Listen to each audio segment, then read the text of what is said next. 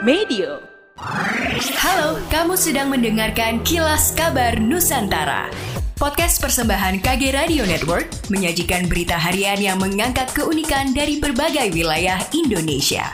Kilas Kabar Nusantara dapat juga didukung oleh pengiklan loh.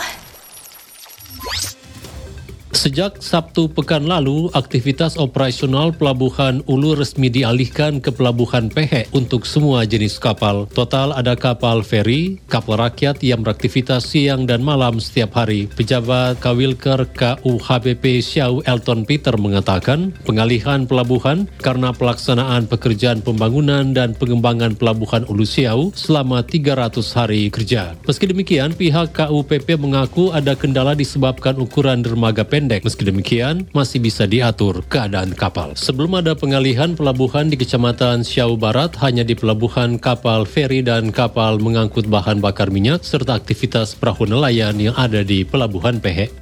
Wali Kota Makassar Nani Pomanto berencana mengubah status pegawai Laskar Pelangi atau pelayanan publik berintegritas. Alasannya pelangi saat ini bermakna ganda, misalnya simbol bagi kaum lesbian, gay, biseksual, dan transgender atau LGBT. Diketahui Laskar Pelangi merupakan istilah bagi pegawai kontrak lingkup pemerintah Kota Makassar. Dia menjelaskan perubahan dirasa perlu seiring telah dikritik dan menimbulkan kesalahpahaman masyarakat. Dani menambahkan sebelum istilah tersebut diganti, pihaknya terlebih dahulu akan menyeleksi seluruh tenaga Laskar Pelangi dalam waktu dekat, termasuk mengubah regulasinya. Laskar Pelangi diatur dalam peraturan Wali Kota Makassar. Diketahui saat ini ada 12.000 lebih pegawai Laskar Pelangi di lingkup pemerintah Kota Makassar. Mereka terbagi dari berbagai keahlian dalam penempatan di SKPD. Polisi menemukan 55.000 pelanggaran lalu lintas selama operasi Patuh Semeru 2023 di Kota Malang dan wilayah hukum Polres Batu. Ada dua tindakan dalam operasi Patuh ini yaitu teguran simpatik dan juga tilang. Kasat Lantas Polres Tamalang Kota Kompol Ahmad Fani Rahim mengatakan penindakan tilang menggunakan kamera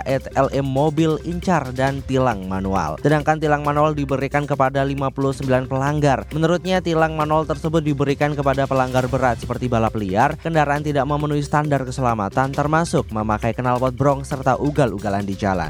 Demikianlah kilas kabar Nusantara malam ini.